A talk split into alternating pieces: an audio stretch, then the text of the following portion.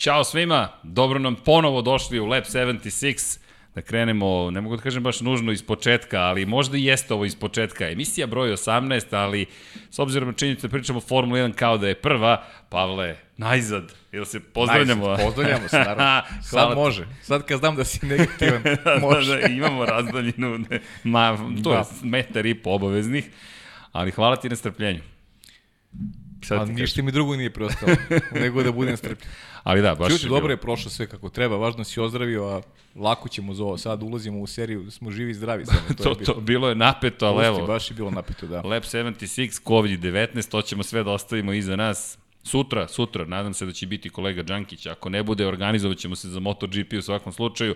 Obećao sam podcast i za MotoGP. Uh, prođe koliko? 35 dana, ja mislim. Tu pa, smo. Da. Pet nedelja. Više mesec dana. Ja sam mislio manje, ali Imali smo ovde dojavu da ipak Da, da, da, sufleri kažu ne, ne, sufleri momci, pogrešili ste. Dana, Grčki da. hor se loše, loše računamo, loše računamo. Ali da, Matematika da, mu uvijek bila slaba strana. Uh, bilo je, bilo je napeto, ali ne, ne se ne držimo tih tema, bilo je isto tako i zabavno. I čekaj, radili smo, za sve koji ne znaju, COVID-19 sam imao za plenje pluća, prošlo je, odležao, preležao, hvala svim lekarima, doktorima, doktorkama, kako god, dakle, koji su pomogli, ne samo meni, već svima, zaista je napeto. Kad odeš... Koji pomožu sve, i dan danas, tako je. da.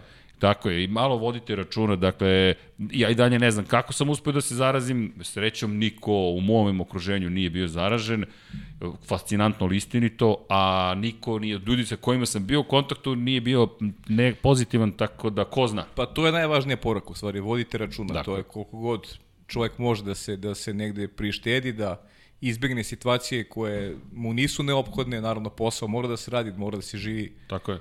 Da se privređuje, ali neke stvari koje ne moraju, probajte da ih eskivirate i to je suština cele priče. Još smo se mi držali, dakle, dezinfekcija, maske, svašta nešto, međutim... Slušaj, ja sam pričao baš gore na, dok si bio bolestan, na sport klubu, da kad bi mi neko rekao, kaži mi čoveka koji se zarazio, ja bi posljednji rekao tebe.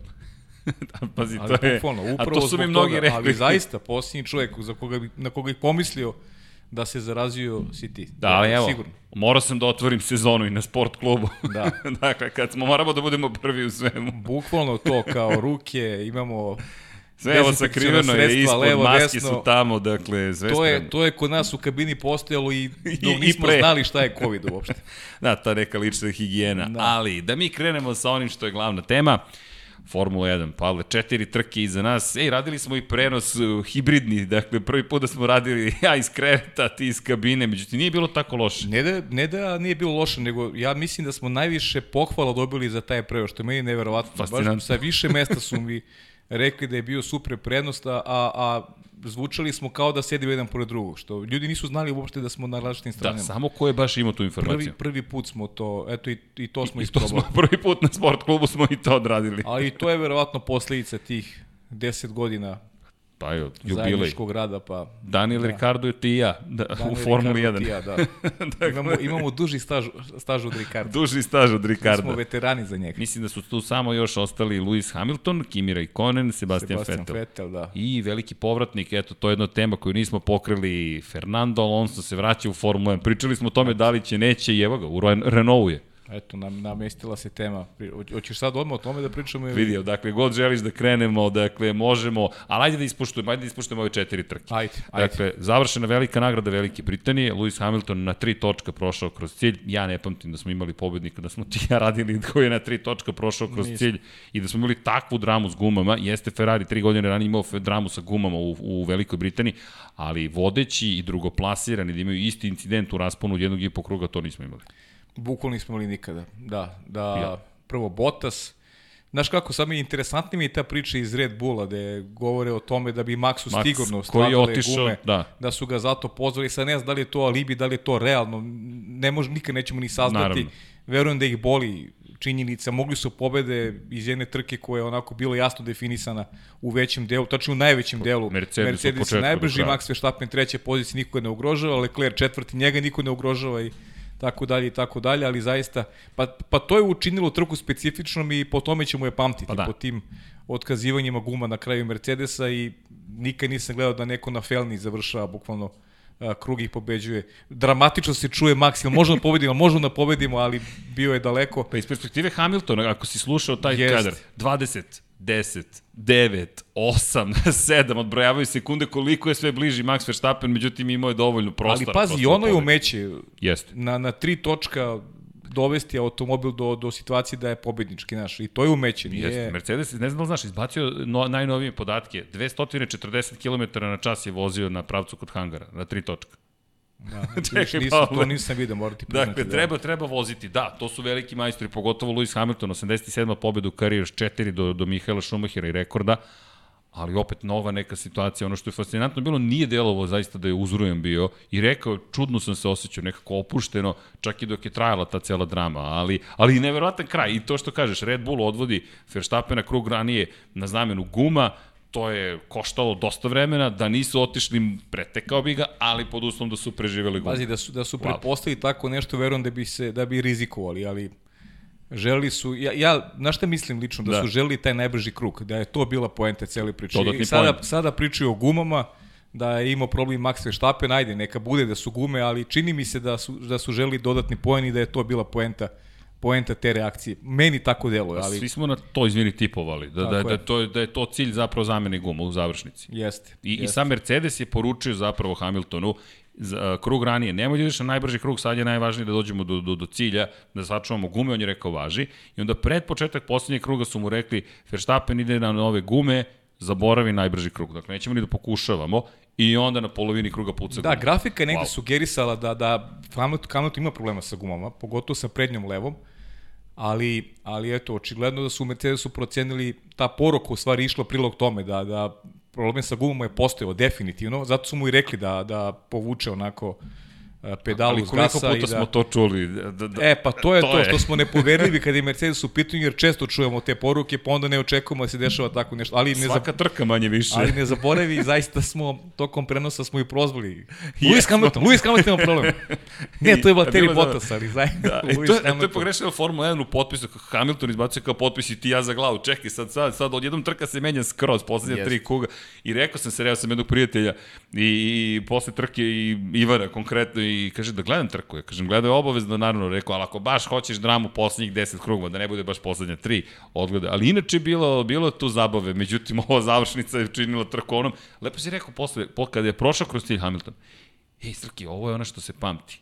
Da jeste, pa uvijek ćemo pamtiti ovo trku. Naš, pre toga nije bilo neki dešavanja, onako, da kažem, Ovo bi trka za 2020. Da, ovo običani iz perspektive Luisa Hamiltona Evo sad smo videli Lewis Hamilton ovaj 20. put da je, da je dominirao u da. karijeri, da je od prvog uh, kruga do posljednjeg a vodi i pobedio trci, po tome sada rekorder yes. prestigao Artuna Sene u tom segmentu, Sene ima 19 takih pobjeda, Hamilton ovo 20 tako da obara rekorde, Lewis Hamilton ima dominantan automobil, on je naravno takođe onako dominantan, sam uveren, nema u konkurenciji nekog uh, u, u garaži vozača koji ga ugrožava, Valtteri Bottas definitivno nije taj, da eto, posle četiri trke možemo nije možemo ovaj, da pričamo o tome, ako uvek gajemo neku nadu da mogu stvari se promene.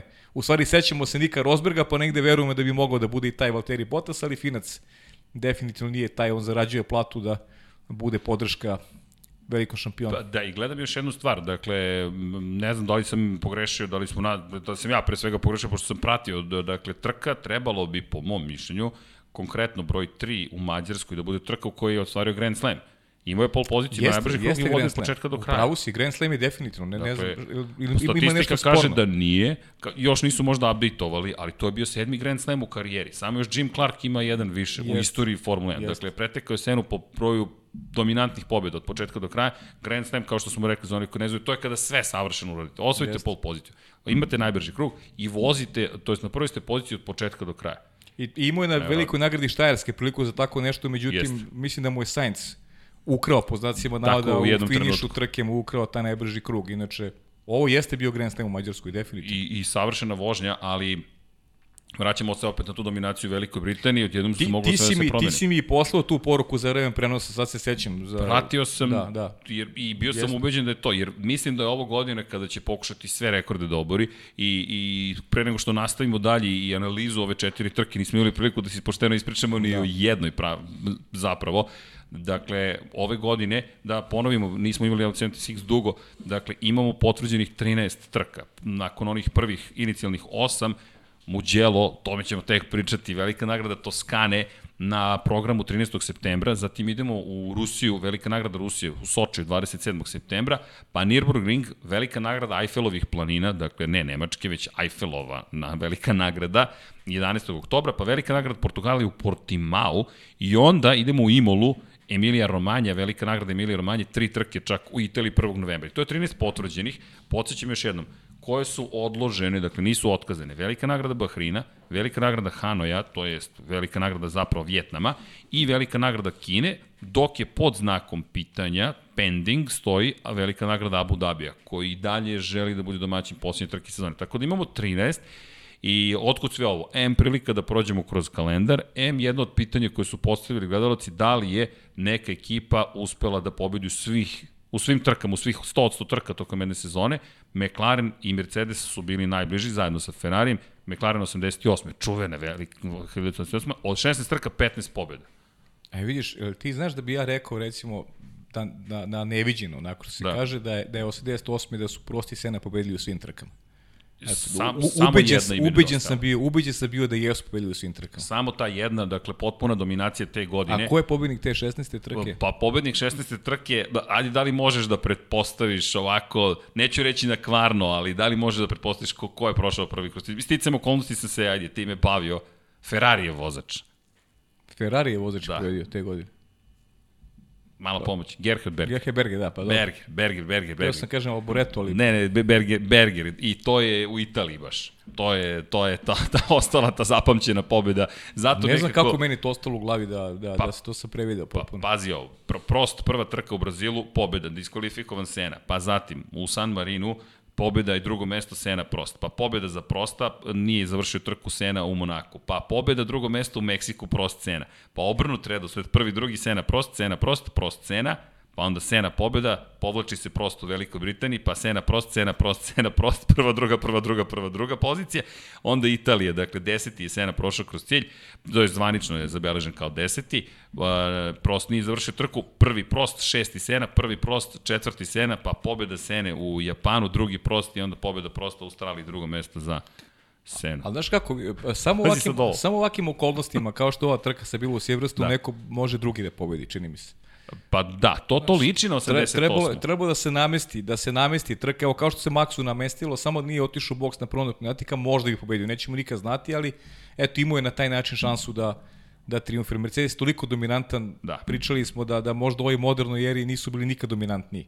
I sve će to da se Koliko prenesi na 2021. Ali, ali bukvalno to gledamo po rezultatima u kvalifikacijama, kad ste vi sekund brži od rivala, To je to, takva velika ali, prednost. Ma, ma, Te, tempo u trci sve je brutalno na strani Mercedes. Ma samo da imamo nekoga ko može da parira Hamiltonu. Dakle, cijela ta godina, 1988. je savršen primjer. Jedno, pa jedno od najboljih, jedno od najboljih, evo, ja sam zaboravio Dominacija. to za, za Bergera, ali to je bila strašna sezona. Pazi, ali to je dominacija jedne ekipe. Dakle, kada govorimo o šampionatu konstruktora, 199 poena, pri čemu tada je vodećih šest dobijalo bodove, da. 10 ste dobijali za pobedu. Ali ko, koga je briga bilo za ekipu koji su imali takva dva rivala na stazi? Samo se to pamti. Tako je. I to je ono što je pojenta. Nije pojenta u tome da li dominacija, period dominacije uvijek bilo. Ali uvijek. kad imate u jednoj ekipi duel, to je nešto što, što čini stvari toliko zanimljivim. Negde Ferrari je te stvari dosta promenio uvođenjem tog jasnog principa. Michael Schumacher, vodeći vozač druga pozicija, kogod da je kada je na drugom mestu ali evo Ferrari te godine 65 tek bodova. Pa to je ekipa, ekipe su kasnije, kažem, u ovoj modernoj eri su do, dovele, dovele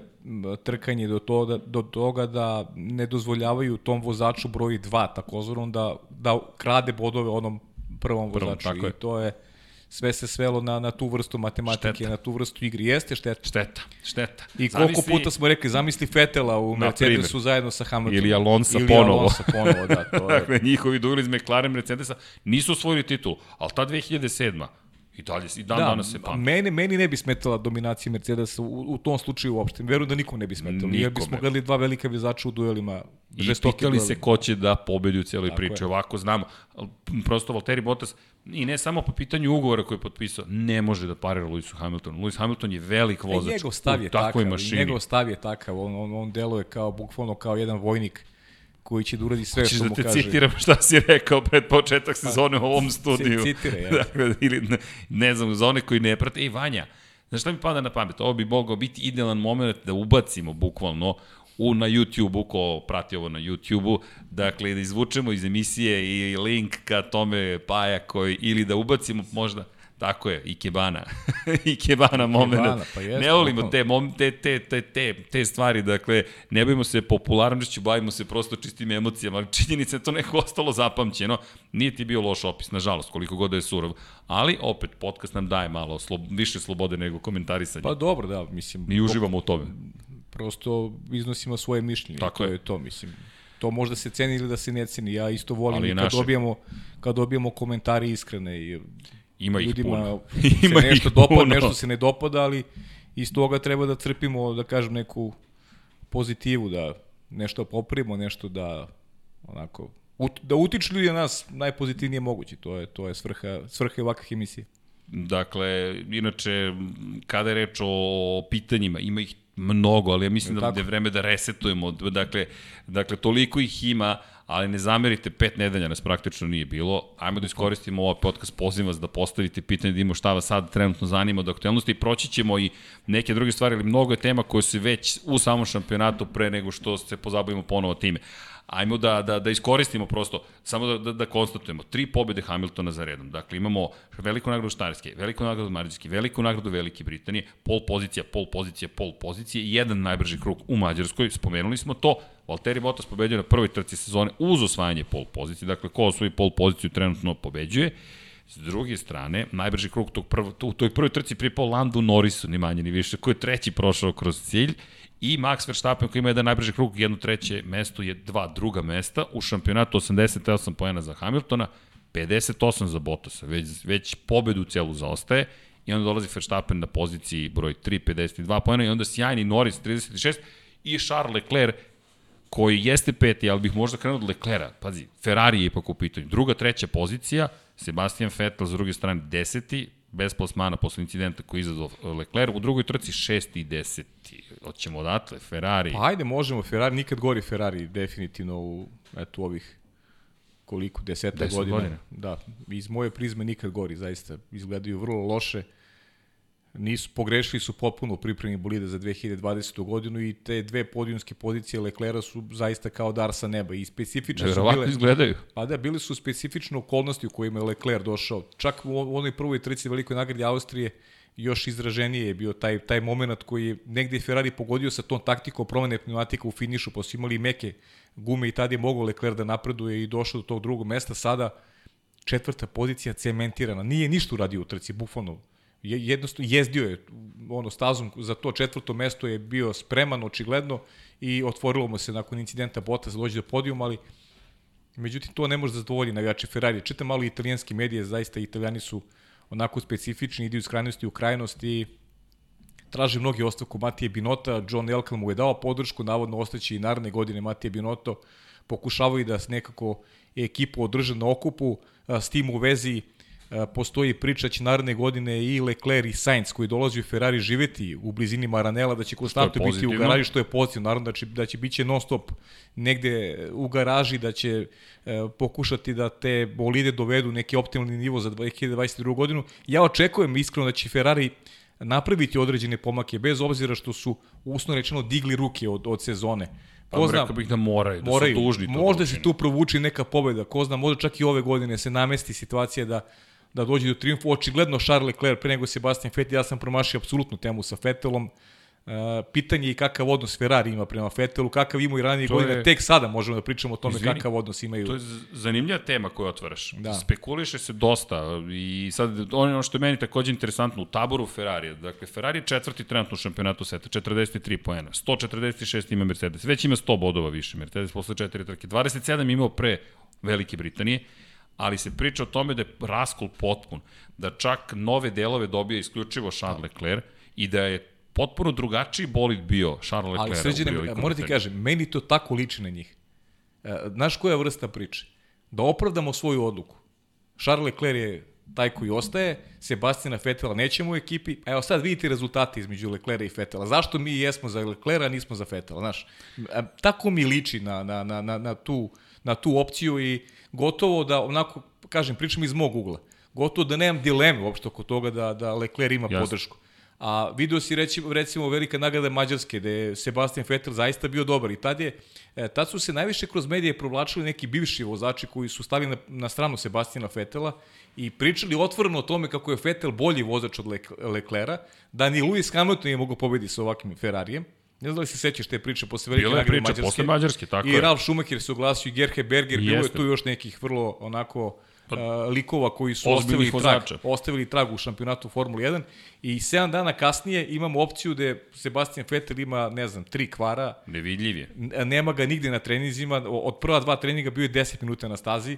Moment kada on sam popravlja nešto na bolidu, to je prvi put sam video za sve ove godine od kako je, Uf, kako je došao u Ferrari. U Ferrari. Tako da, istina, napravio je one 3-4 greške na istom mestu na u kvalifikacijama, mestu. nije sporno, ali E, kad vozač nema fokus na ono što treba da radi, a to je vožnje, kad se bavi nekim drugim stvarima, to je ne branim ja, ne treba Sebastian Vettel obrana od mene. Četiri titula Naravno, ne treba ne treba odbrana ni od koga na ovom svetu. Rekao bih da je dokazao dovoljno. Tako je, ali i dalje stojim pri tvrdnji da je on zaslužio mnogo više poštovanja unutar ekipe i da je morao da dobije nešto se zove apsolutna moć u ekipi kao što je imao Lewis Hamilton u Mercedesu. Mislim da bi u tom slučaju Ferrari imao mnogo veće šanse, ne ove godine, ali onih ranijih godina kada je Vettel mogao da osvoji šampionsku titulu. Vettel nikada nije imao status Luisa Hamiltona u Mercedesu. Nikada.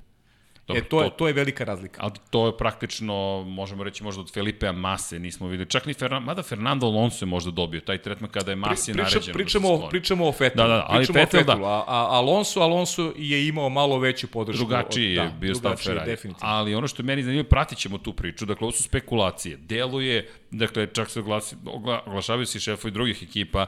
Dakle, mi kažemo ono što mi je, hajde da se samo dotaknem i toga. Dakle, Helmut Marko se čak oglasio, dakle, jedan od glavnih ljudi u Red Bullu i nekog ko je sa Fetelom osvojio te četiri titule, što konstruktora, što vozača, ali jeste mi zanimljivi ta podela u okviru Ferrarijevih čak navijača. To još nisam video, moram ti priznati. Ne pamtim da sam video podelu u kojoj imamo dva tabora, Leclerovci ili Leclerkovci, Leclerovci i Fetelovci, koji prosto kao da, pazi sad to razjedinjenje, gde nikada to ranije nije postojalo, da jedan Ferrari uvek bio Ferrari, samo je bitno da voziš Ferrari. Kogod da si Fetela su blago rečeno, ajde, nisu ga podnosili, da ne kažem mrzeli dok je bio Red Bull. Kako ušao u Ferrari, okej, okay, To je neka nova istorija. Sad sve što si radio pre toga ne važi. Sad odjednom imaš i tu podelu, što opet ne verujem da baš preterano pomaže.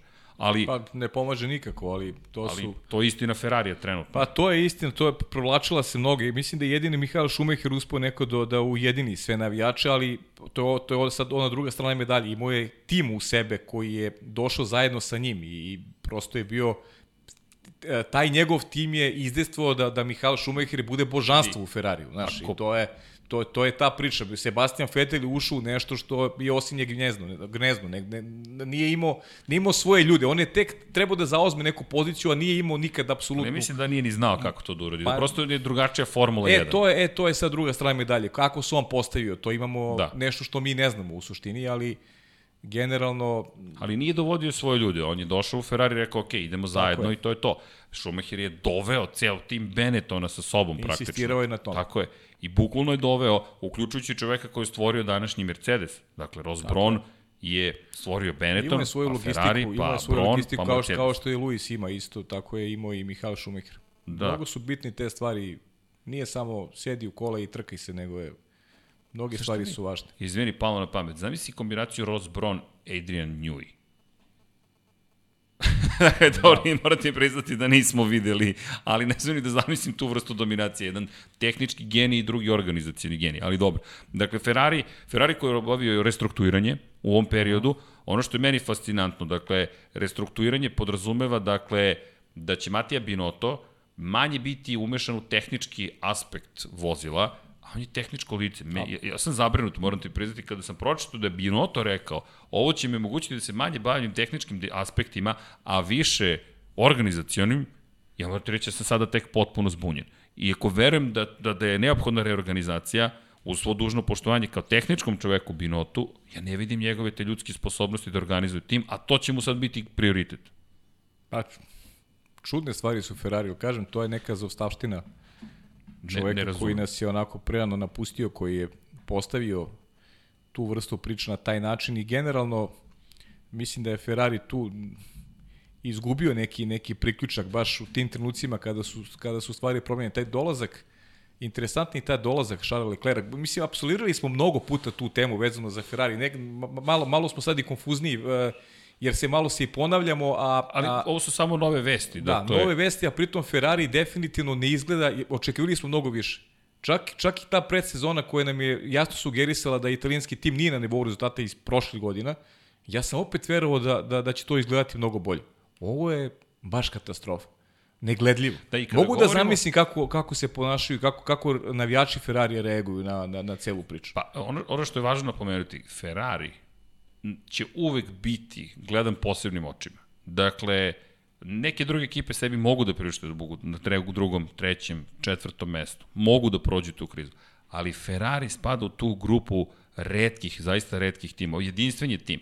Ako pogledamo broj pobjeda u istoriji ovoga sporta, Ferrari je najuspešniji. Na drugom mestu je McLaren, pa je treći Williams. Sunovrat Williamsa jeste bio tragičan i jeste bio dramatičan, ali niko nije tako reagovao ka, na propadanje Williamsa. Pa čak ni na teške godine pa, McLarena. Pa, evo ti pogledaj kako, kakve nama šalju poruke kada smo kritički nastrojeni prema Ferrari. Čak i sada. dakle, Emocije koje se bude sa, sa, su neverovatne. Znači, sa, sa ovih prostora kako ljudi reaguju, da. kako lično to doživljavaju. Da, vrlo lično. Možda zamisliš onda u Italiji kako, koliko su oni tek lični. Moram ti reći da I kakav je pritisak na Matiju Binota i na, i na ljude ali to je ta strast prema jednoj ekipi. Jeste, zato baš, i baš, se i bavimo. Baš ogromna strast i, i zato si lepo i rekao da prvi put se možda i dešava da, da navijači Ferrarija prave taj, taj onako Raskol. tabor, da, tabor se pravi između dvojice vozača ranije godine nije to bio slučaj. Pa čak i ono vreme kada nije bilo rezultata Alboreto Berger su uživali podjednaku podršku, bez obzira što Alboreto bio italijan, Berger austrijanac.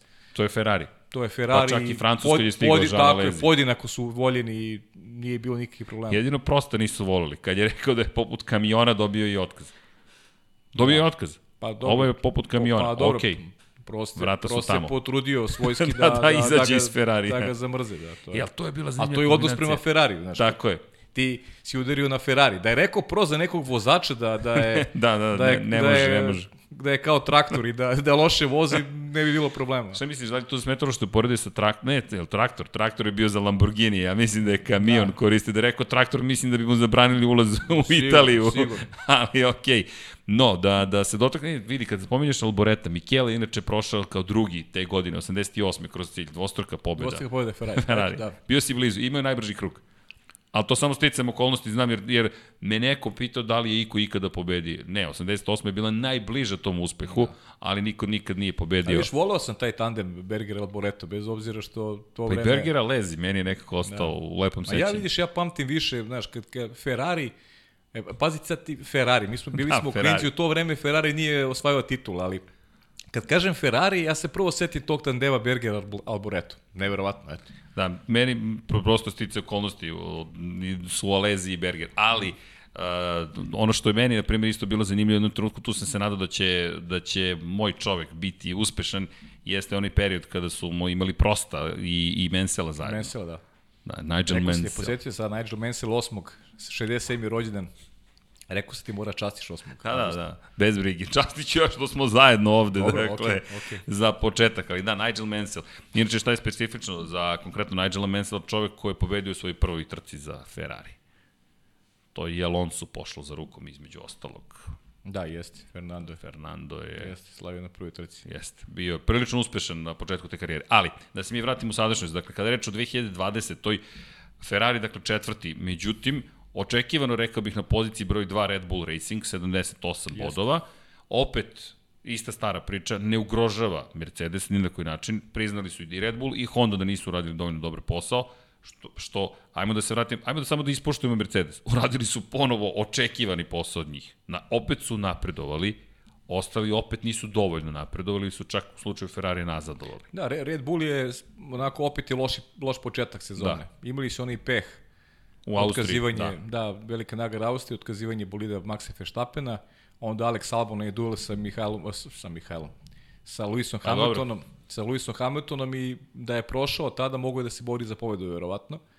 Ali su sada došli u sa paletom novih delova su došli yes. do, na ovu posljednju trku, imali su i sastanke, Christian Horner obio sastanke sa predstavnicima Honda, rade naporno, ja verujem da, da Red Bull ima sposobnost da, da dođe do makar jednog triumfa ove godine. Oni moraju da rade naporno, da Maxa Verstappena drže u ekipi, znamo za te klauzule kakve Max ima u ugovoru, Max će iskoristiti, Max želi prosto da ima u sebi ekipu koja će mu omogućiti borbu za šampionsku titulu. I sada je bio zadovoljan jer izvukao je nešto što nije očekivao, ali druga pozicija, druga pozicija u, je stvarno sjajno, pritom i najbrži krug. Pritom seti se mađarski, zaborili smo taj detalj.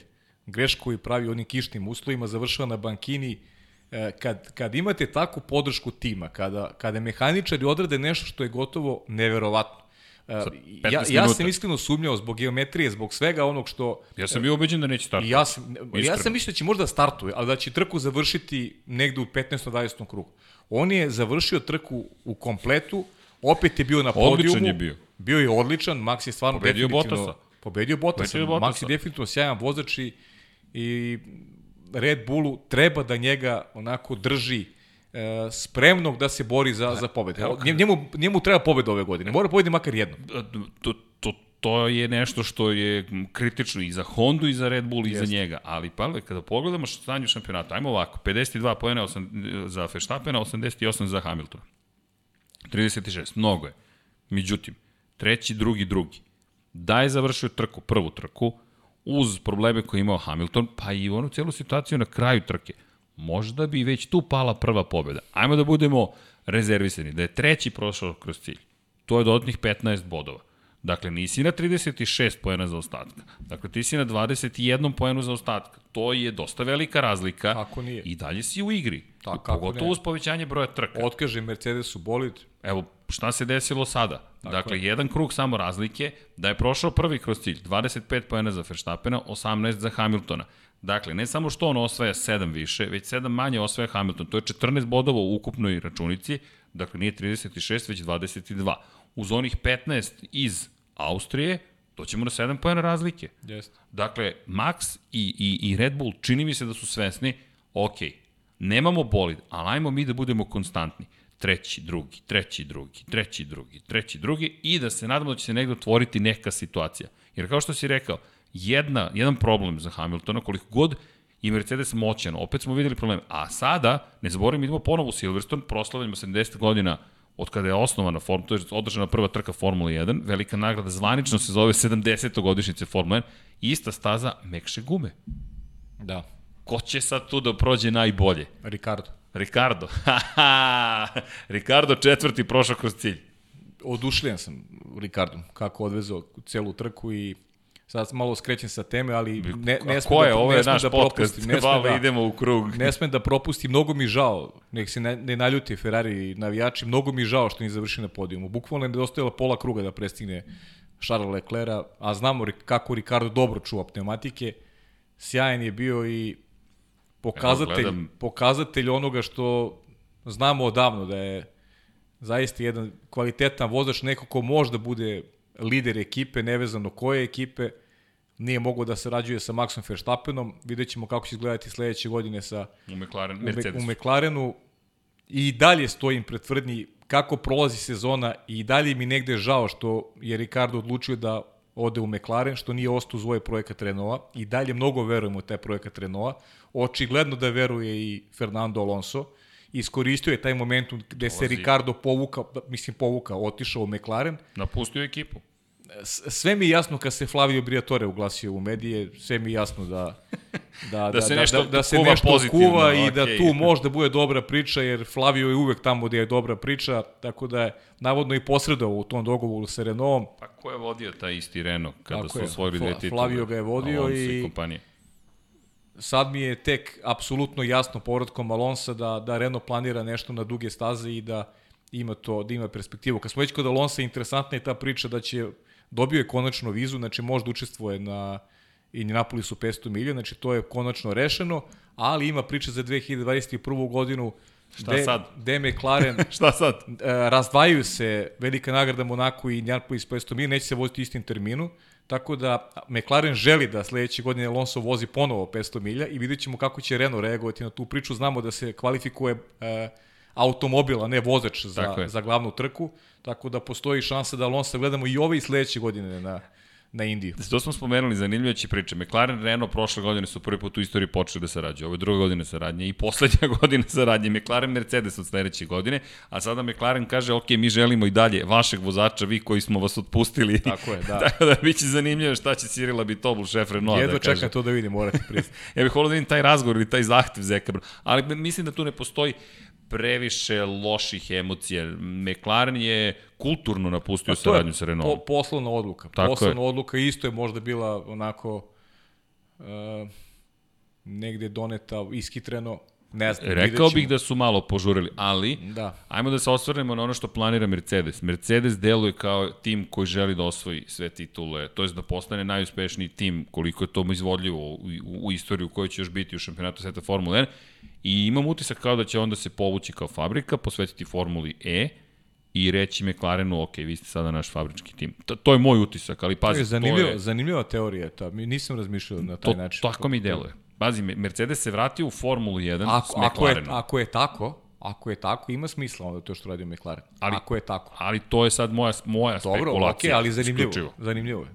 Zanimljivo. Znači, Zapamtit ćemo ovo. Tako da bih ja to pratio, jer imam utisak da Mercedes polako počinje da se fokusira na neke druge aspekte. Koliko god mi je žao bilo, ali to, to mi je utisak. Ali misliš, već, palče. misliš od već od 2022. A? Ma, sumnjam, mislim da će tu ostati još uvek, ali da će u jednom trenutku se otvoriti zgodna prilika da se nekako napusti. Iako kada potpišete taj Concord ugovor bi trebalo da ostanete još 5 godine najmanje. A šta misliš da ako, ako nastave dominiraju i od 2022. Pa, koji interes da odeš? Znaš kako planovi se menjaju, znaš i sam. Ako nastaviš da dominiraš, što bi napuštao? Dobro, da, svakako je, znaš, važno je zauzeti neke pozicije, uvek je bitno doneti pravu odliku u pravo vreme. Biti na pravom mestu. Da, možda tu prvi mak ne izgleda, pa poput Luisa Hamiltona. Izvini, ajmo da se samo na trutak toga dotakne, samo kratko. Da li je Iko govorio da će Mercedes biti dominantan pa tim ne, kada je on potpisao? Niko to nije očekivao. Da. Svi su, se, svi su mu govorili da je to najveća greška u njegovoj karijeri. Napustiti... Napust, veliki McLaren, ideš u Mercedes koji... Koji se muči. Lutrija. Da, i od sad, sad odjednom govorimo, pa ne, to je najbolja odluka ikada. Tada to nije bila najbolja da, odluka. Da, nije. Ali svaka mu čast, povuko je potes karijere, rekao bi, od jedne do evo, uskoro možda i sedam titula. Ali da, kada govorimo o Renault i Daniel Ricardo, fantastična trka, dakle čovjek je odvezeo sjajno. Ne da zaborimo Esteban Okon, šesti je bio na kraju. Pa, Sećaš se u jednom momentu trke kada lepo smo primetili da ima šanse da, da parira McLaren, da možda obiđe oba McLarena. Videlo Renault. se. I to je, jeste poenta. Verujem da im je to dodatno zadovoljstvo. Jeste Carlos Sainz napustio trku zato što mu eksplodirao pneumatika, ali, ali nema veze. Ricardo je čuvao iste. Je. A, Tako je. Bio sjajan u finišu trke, ko zna, uz neki dobar splet okolnosti mogo je i do mogu i do podijuma. I kažete, mnogo mi je žao što Ricarda nisam, nisam vidio na podijumu, ali Za Renault bi bilo možda sjajno. prilike. Biće možda prilike do kraja godine. Ko zna. Ajmo da Renault da je sve bolje. Ajmo da pohvalimo Landa Norrisa. Treći, dva put pet. Pa to je naj, onako najjači utisak sezone. I, i, iz, Četvrti iz u šampionatu. Moje, iz moje prizme, da. Ja sam bio skeptičan. Evo, ja sam prvi rekao, ti nisi, ti si baš da. rekao, ne, Norris će biti dobro, ja sam bio veoma skeptičan. Pa ja sam, rekao sam ti ranije, meni je taj, taj tandem uh, Norris-Sainz, apsolutno sam, mislim, na strani Landano, nisam na njegovoj strani, nego mislim da je talentovaniji vozač, mislim da je neko ko, ko možda napravi bolju karijeru od Carlosa Sainz. Stvari su se tako otvorile za Španca, vidjet ćemo, možda ovu šansu Ferrari iskoriste na pravi način, ali meni je Lando fenomenalan. Lando je, pogotovo na druga trka, ona velika nagrada Štajerska, kada je tri pozicije nadoknio u posljednjem krugu. Imao je tada kaznu zbog nepoštovanja žutih zastava, nije uspeo da naplati dobro učinom kvalifikacijama. I za, za, rekao je da je to njegova najbolja trka. Ta druga u Štajersku. Ne ona prva Austrija kada je bio treći, kada je bio treći, ta druga za veliku nagradu u Štajersku. Kada je peti prošao kroz Tako je. Imali su, McLaren generalno nije bio dobar na onoj tehnički zahtevnoj stazi uh, u Mađarskoj i pričali smo ti ja uvodu ove trke u Silverstonu da očekujemo McLaren da bude na nivou Austrije i zaista se to i, da. i dogodilo. Bili su odlični i on i Carlos Sainz, eto nije imao sreću da završi trku, ali generalno obojce su a, vozili sjajno. Sad u Silverstonu očekujem da će tako nešto biti slučaj i, i za vikend i šta reći Lando Norrisu. Pa. Lando Norris je, to je ta nova generacija koja će se boriti za titul. I ono što mi se dopada kada pričamo o budućnosti Formule 1, da nadolazi ta, ta generacija Maxa Verstappen, Max Verstappen je već iskusan, jako je, jako je najmlađi od ekipe, ali imamo tu i Leclera, imamo Landa Norrisa, Georgea Russella, sve onako momci vrlo Ozbiljna talentovani. imena već sada. Ozbiljni imena, pa pazi, Lecler i Russell koji su pobeđivali Formuli 3, Formuli 2, Lando Norris koji je vozač konstantno tu. Konstantno je tu, dakle Biće i ti veliki timovi na slatkim mukama jednog dana kada se penzionišu ovi velikani koji ćemo i dalje gledati na, na veliku sreću i, i Vettel i naravno Hamilton i, pa. i, i ovaj, kako se zove, Fernando Alonso ali čeka nas onako zanimljiv period u šampionatu, u šampionatu Formule 1. Zanimljivo si spomenuo, dakle, i ta, ta, ta, ta izbor za budućnost praktično timova koji će imati slatke muke. I kada govorimo o Britaniji, zaboravimo, Britanci jure svog sledećeg šampiona, imaju Hamiltona, Norris i George Russell. To mislim da će biti ozbiljna bitka na tom jednom nacionalnom nivou. Jest. Jer koliko god to ponekad zaboravljali, to je veoma važno. Dakle, Britanci su vrlo ponosni kada je automotosport u pitanju. Kod Nemaca vidimo da je ozbiljno opalo interesovanje, da bi od naredne godine mogli da budu bez vozača u šampionatu, pričat ćemo i o Niku Hulkenbergu pa, koji se pojavio ovog vikenda. Slaže se jer nema ih u, u nižim kategorijama. Vidimo Beckmana i Zendelija. To je to. I to je to.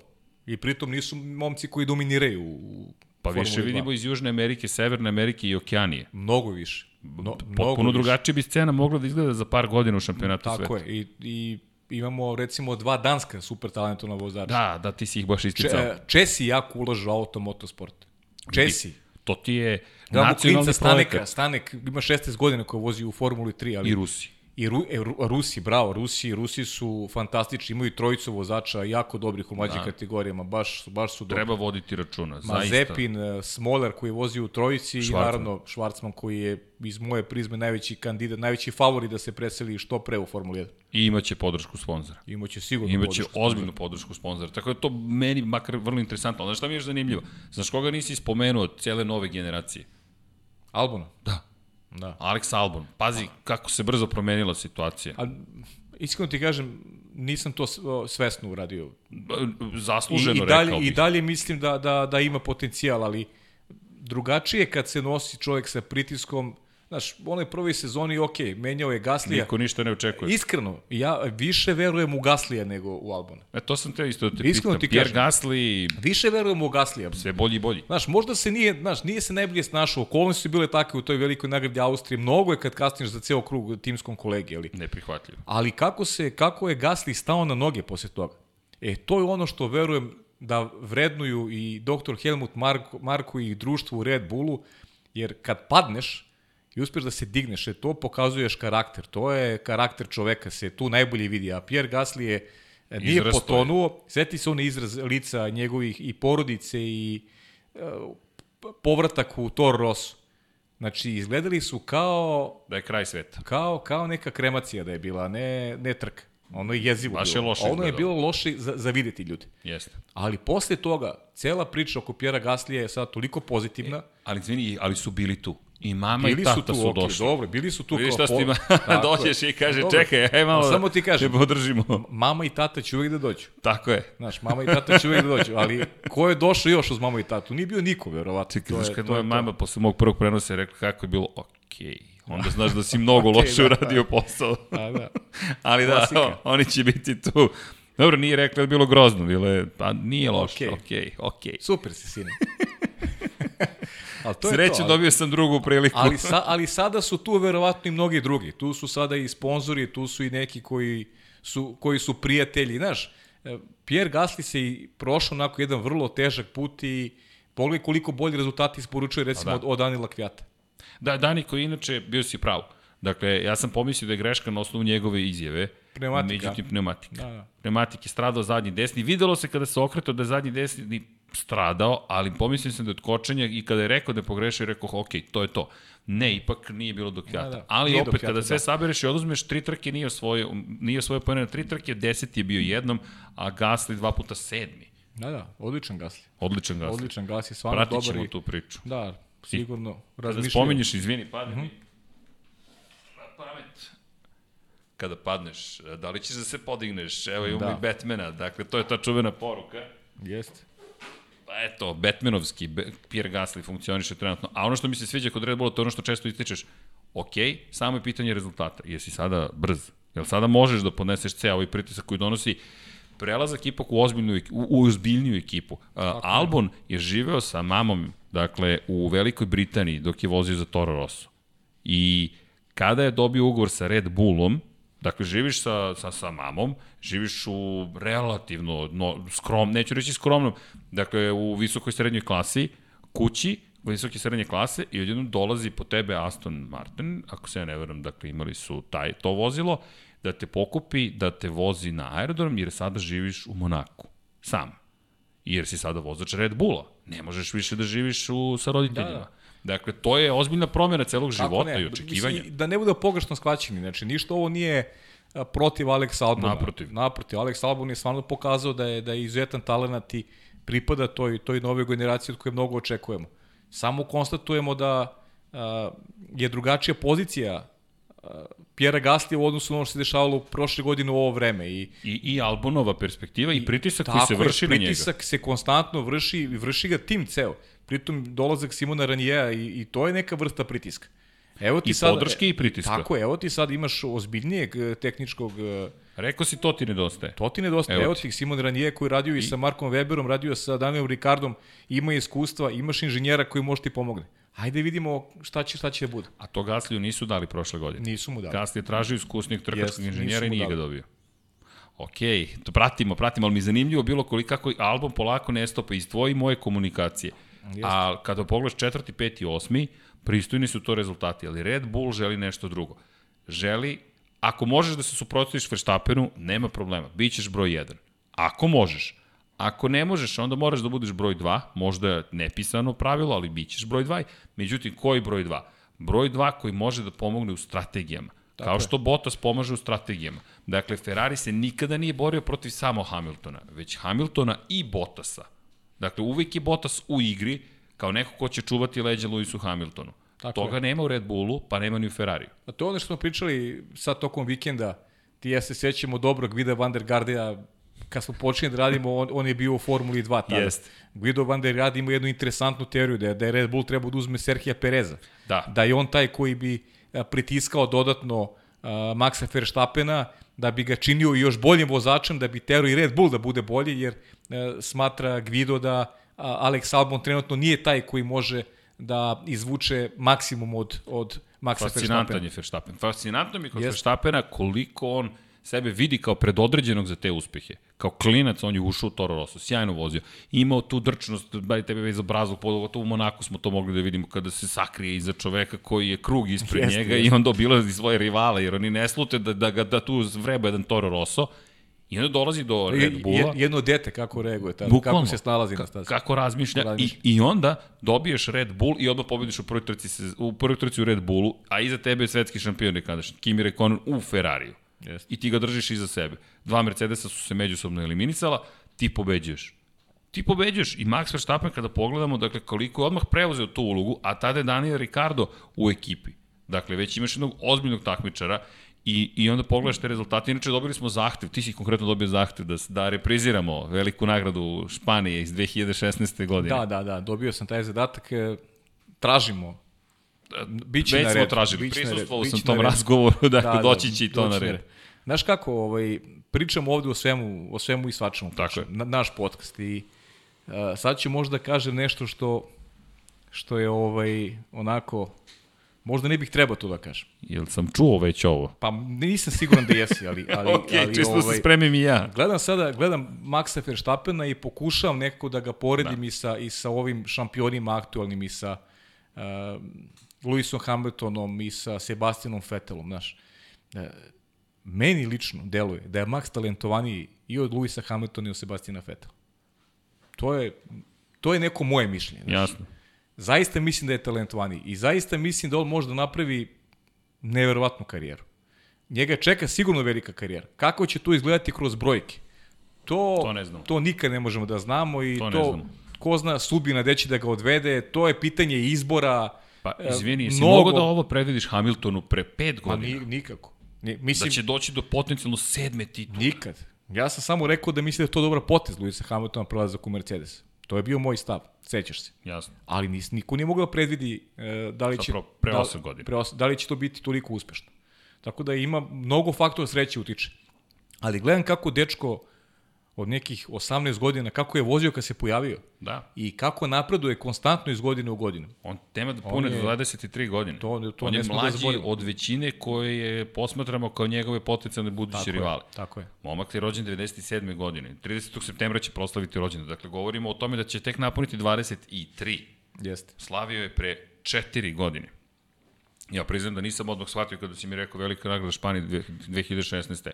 Razmišljam zašto je to važna trka. Pa da, pa Maxu Jer sam mislio da je 2017. Da. Međutim, odnosno se procio rekao, nemoguće da je pobedio prvi put pre 4 godine. Pre 4, pre 4 godine. Da. Pa šta ima 18 godina? Da, znam da ima 18 godina, ali zato što je to rekord, najmlađi pobednik ikada.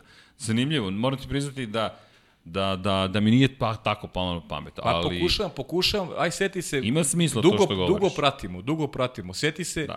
Luisa Hamiltona koji nije imao toliko godina. Sjeti se njega pre 10 godina, sjeti se Fetela pre 10 godina.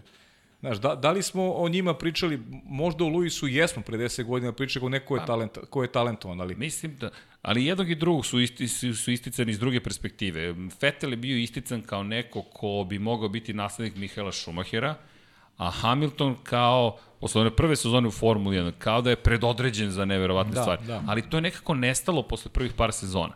Ma kod Maxa to nije nestalo. Max je konstantan, samo što opet možda tu liči na, na lepo si rekao, možda liči na Hamiltona iz te perspektive što McLaren, na primjer, nije mogao da iskoristi prosto svoju brzinu da, da mu pruži preko se bori. Ali još jedna stvar, Hamilton nije bio toliko dobar u tom periodu.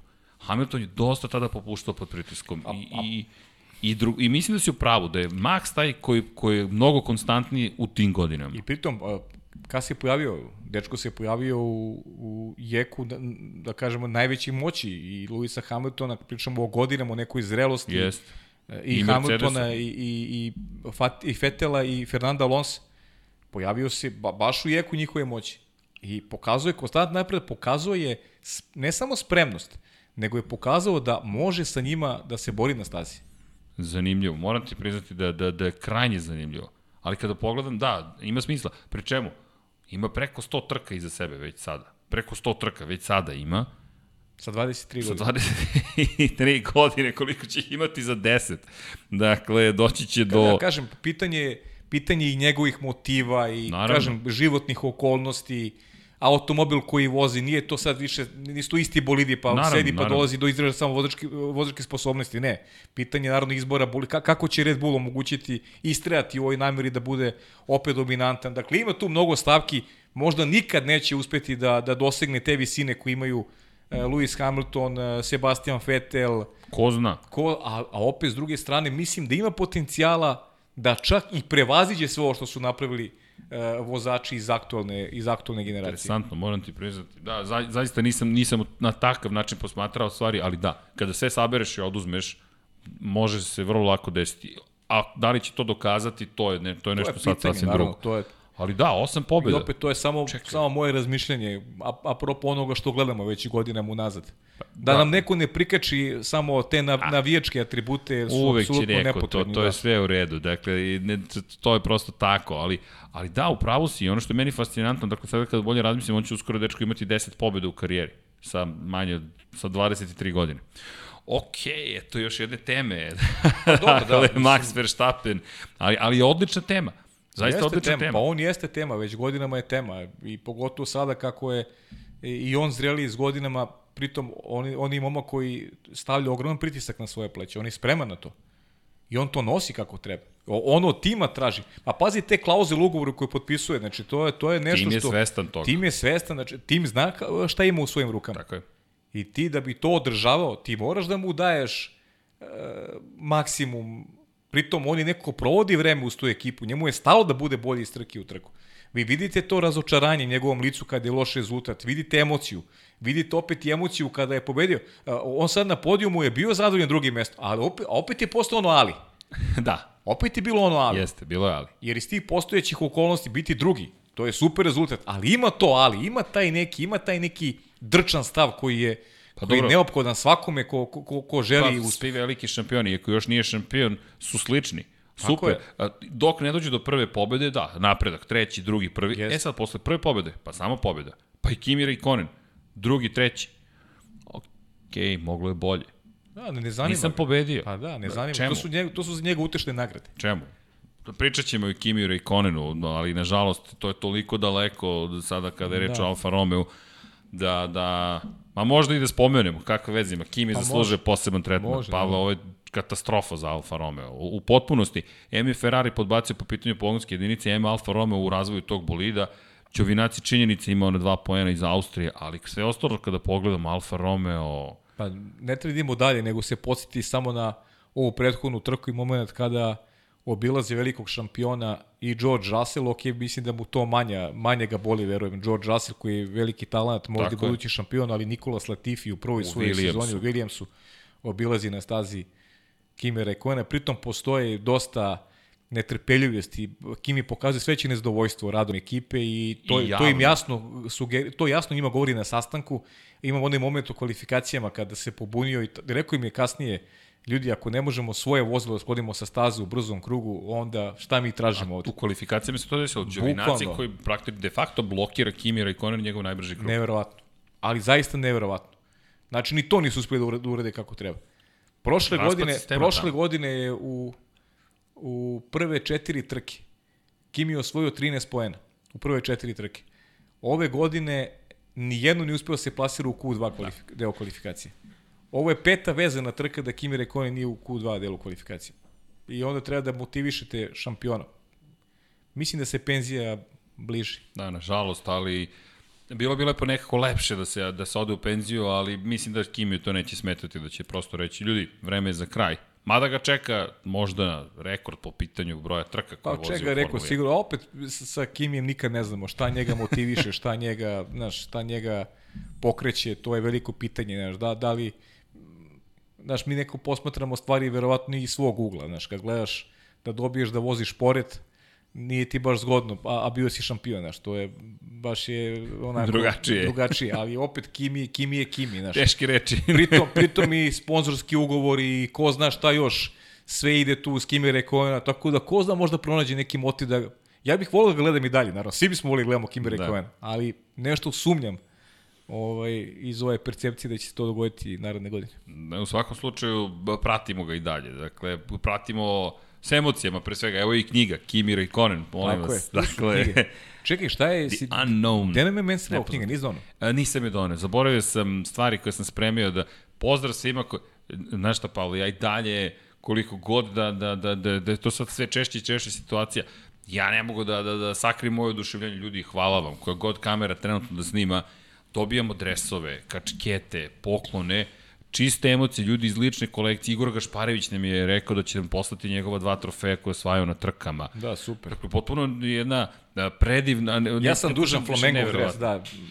Rekao to sam, smo se dogovorili. Pronašao, da, da, pronašao sam, da, da. pronašao sam ga, to je bitno. Znači, Ali fascinantno je, Pavle, dakle, i hvala svima koji poklanjaju tebi. Dakle, ovo je neka lična, vrlo intimna, ali iskrena kolekcija ja kažem hvala još jednom, ljudi, mi ćemo nastaviti našu misiju, viziju, dakle da mi pričamo naše priče, da pričamo neke lepe priče, evo, lansiramo, ej, znaš da smo spustili. I... Kako ne znam, pa smo A. pričali i posle formule i znam. Jeste.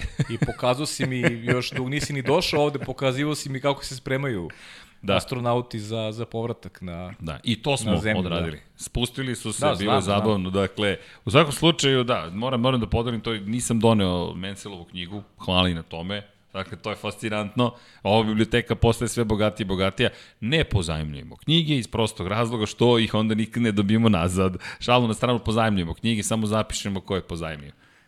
I pratimo. Da. Kao bibliotekari. Koliko puta ti se desilo, izvini, da knjiga se više nikad ne vrati Desilo kući? Se. Ali zato što, zato što ne zapisujem, to je moj problem pa, bio. Da. Sad sam počeo da zapisujem. Da, Mora. Treba, treba uzem onaj, Mora. onu foru Dekija Savića, znaš kako on pozajemlja, on, napiš, on, on, napiše na knjizi Dejan Savić, znaš. to... da, je, da je taj koji čita zna da, da, da, zna, da, da je njegov knjiga.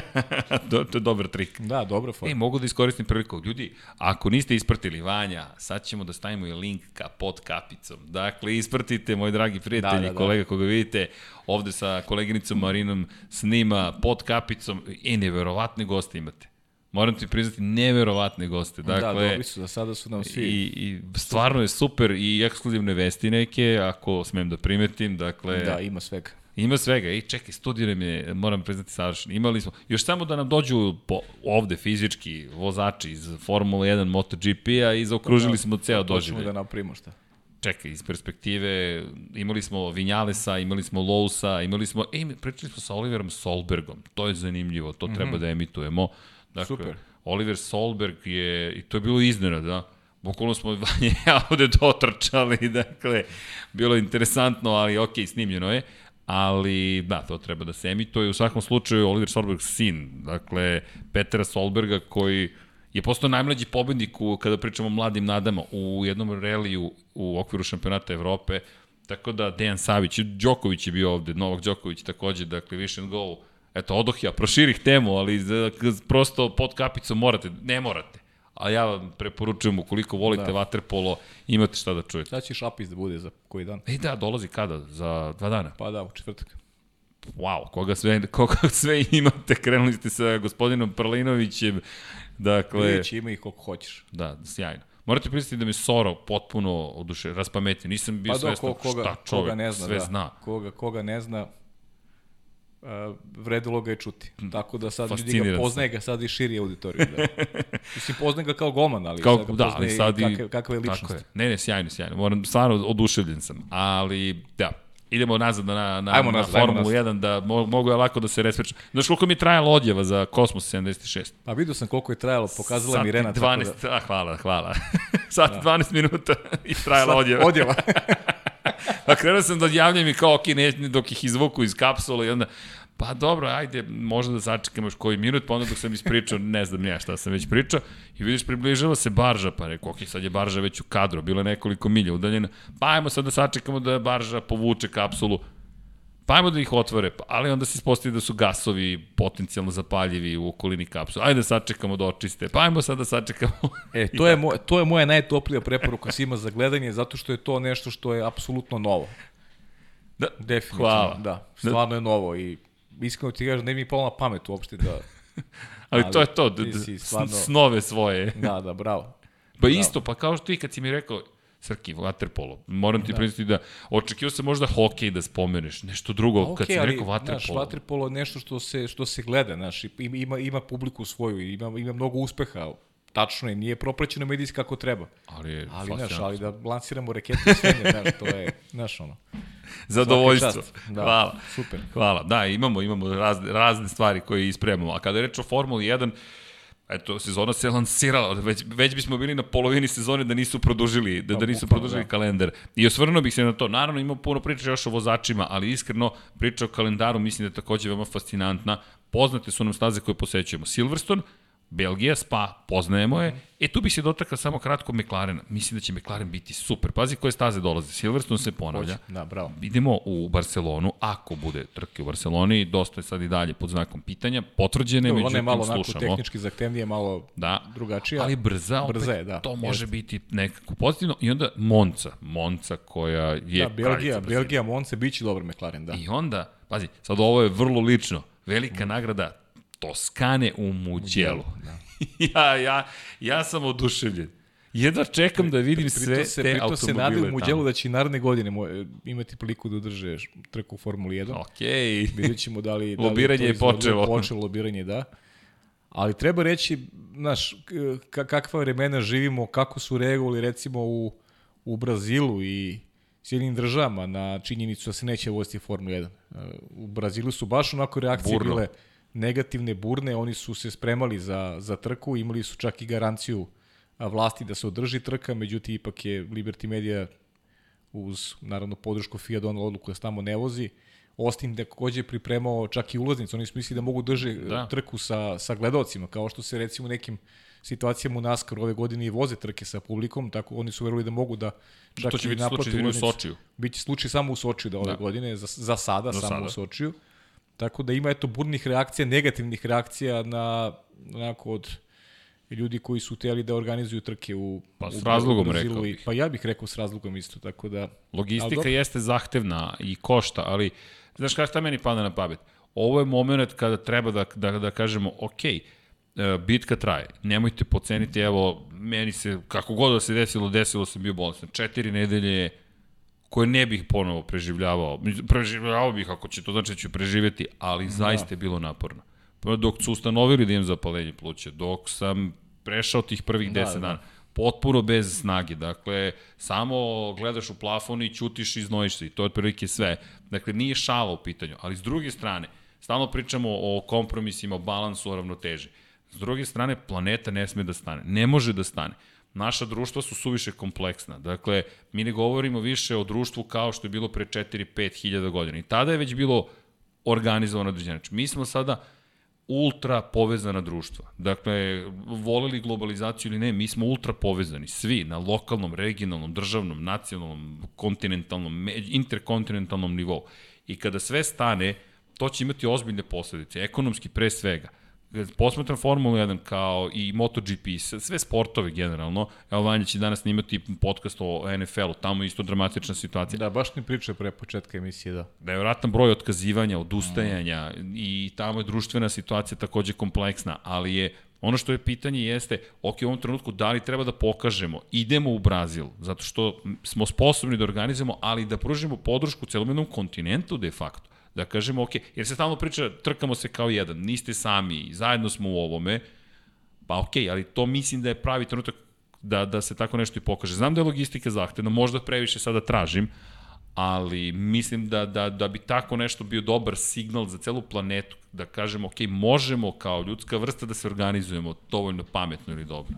Možda sam preoptimističan, ne znam. Pa nisi, to je isto kao, to je nešto kao na, na, na nekom mikronivou, kao svaki pojedinac, ono što smo pričali s početka emisije, svaki ha. pojedinac može da doprinos a, celoj priči i mislim da bi situacija bila mnogo bolja, da smo dovoljno, da smo kao ljudi svesni da. onoga što nas okružuje, jer uz takav neki stav mislim da, da, da stvar mogu, možda bude mnogo bolje nego što jeste, ali bojim se da nismo dovoljno svesni, da se ponašamo onako oholo, pomalo i bahato i da ignorišemo stvari koje nam onako priroda sugeriše i to nije samo sad slučaj sa koronavirusom, nego i nekim onako ranijim segmentima Da povedemo tako računa da se, malo o planeti. Tako je, da povedemo malo više računa, smatram kao i ti da ako ćemo da organizujemo nešto u Imuli, onda ćemo uz onako uz malo jaču svest i malo bolju organizaciju da damo podršku ljudima koji imaju u Brazilu takođe probleme, tako da ozbiljne probleme. Ozbiljne probleme, da. da i... I slaže se s tobom da je to da je to izvodljivo. Pa u krajnjem slučaju boli kako su Mađari kako su organizovali i šta su radili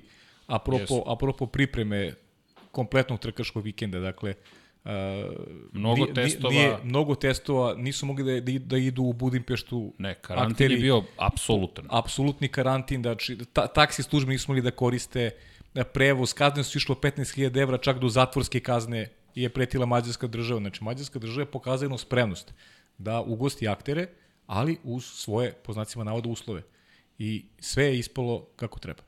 I tu niko to. nije bio, Nik... dakle, čak i kad su bili pozitivni testovi, brzo se reagovalo. Sve, sve, dakle, se, su... sve, sve određeno kako treba. Da. Ako, ako znaš, ako se postiš kako treba, znaš šta hoćeš, poštoješ neke norme, sve može da se uredi kako treba. Tako da delim tvoje mišljenje da je bilo mogućnosti da se da se stvari onako odrede Nad, na, da. na, na jedan bolji način. Nadam se da da u, u ovoj čudnoj godini da stvari mogu nekako i da se vrate unazad, ali za sada zvuči kao da to neće biti izvodljivo, no držim palčeve, zaista.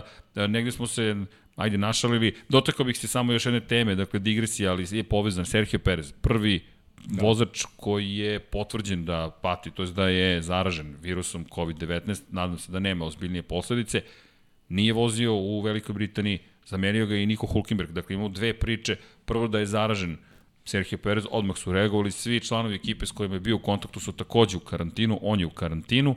Išao je u Meksiko, dve priče vrlo zanimljive. Viš kako se zapravo otvaraju priče, kako je sve povezano, ali to je ono čuveno, Dirk Gently, everything is connected. Mislim da, da, još nismo donali Dirka za još jedno remek delo Douglas Adamsa. U svakom slučaju, dakle, Perez odlazi u Meksiko da poseti majku koja je operisana, ali i navodno da priča to ono što si ti spominjao sa Carlosom Slimom, jednim od najbogatijih ljudi na, na planeti, za podršku kako bi ili sačuvao mesto u Racing Pointu ili bio negde u Formuli 1 pa, naredne sezone. Ova priča kaže da sačuva mesto u Racing Pointu, navodno da onako doda ovo još neki desetak miliona, 10-15 miliona da se eliminiše taj glavni sponsor u ekipe Racing Pointa, na taj način bi se otklonila svaka priča vezano za dolazak nekog drugog vozača, čitaj Sebastina Vetela. O kome pričamo, tako je. Da bi u tom slučaju navodno pristao uh, Lorenz Stroll da, da ostane, da ostane uh, Sergio Perez. Ali to je već onako, rekao bih, teško da će ostati. Teško ostvarivo i teško. Ima sada milion priča. Dok se, dok se nešto ne dogodi konkretno, navodno sad više ne postoji ni ta klauzula u ugovoru za Serhije Pereza koja je sugerisala da do 31. jula može ekipa da mu da otkaze. Vidimo da se ništa nije dogodilo ni posle 31. jula, ali rekao bih da je ta priča sa Sebastianom Vettelom vrlo ozbiljna. Isto tako mislim da Sergio Perez neće morati da brine za svoje mesto u ekipi jer navodno je Carlos Lin spreman i da kupi pre svega Hasov tim jer Gene Haas se ne pojavljuje na stazi već evo dve godine, malo da ga nismo videli moram priznati da ga ne vidim ni na Naskaru, ali ok.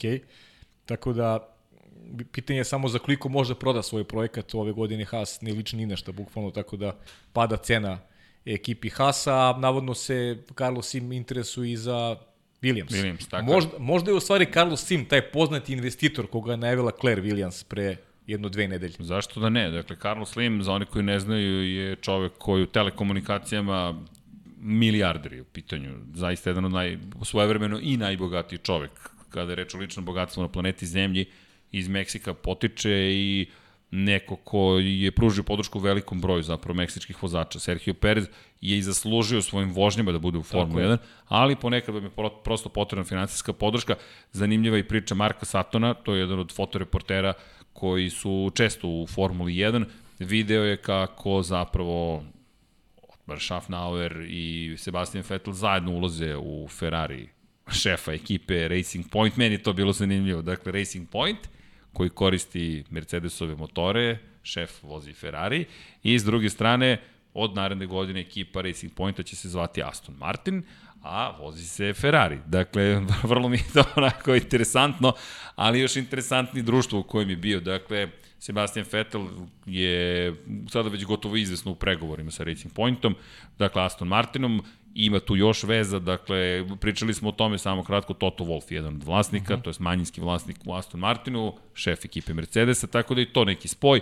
Racing Point inače pod istragom, zahvaljujući žalbi koju rožio Renault, koji je podržao Ferrari, to je zanimljivo danas i Ferrari stao u tu žalbu, dakle, govorimo da o tome da su kopirali delove iz, pret, iz prethodne godine Mercedesa. Sada se priča o tome da su zapravo kupili delove dok nije, dok je bilo moguće kupiti ih i tako dalje. Na, na šta radi Renault?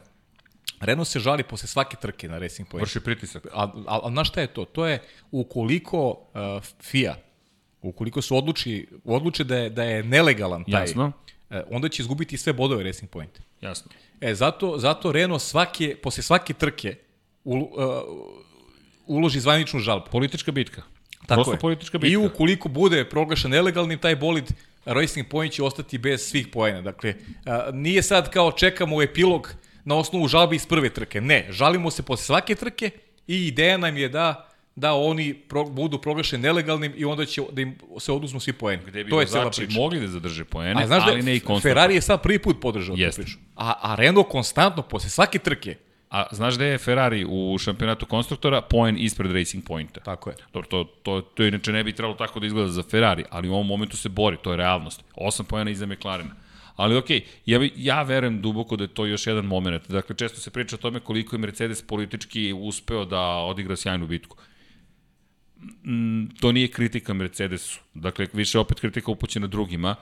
Ne mogu ni da hvalim, pošto više volim da se dese stvari na, na samoj stazi ali Mercedes je vršio pritisak.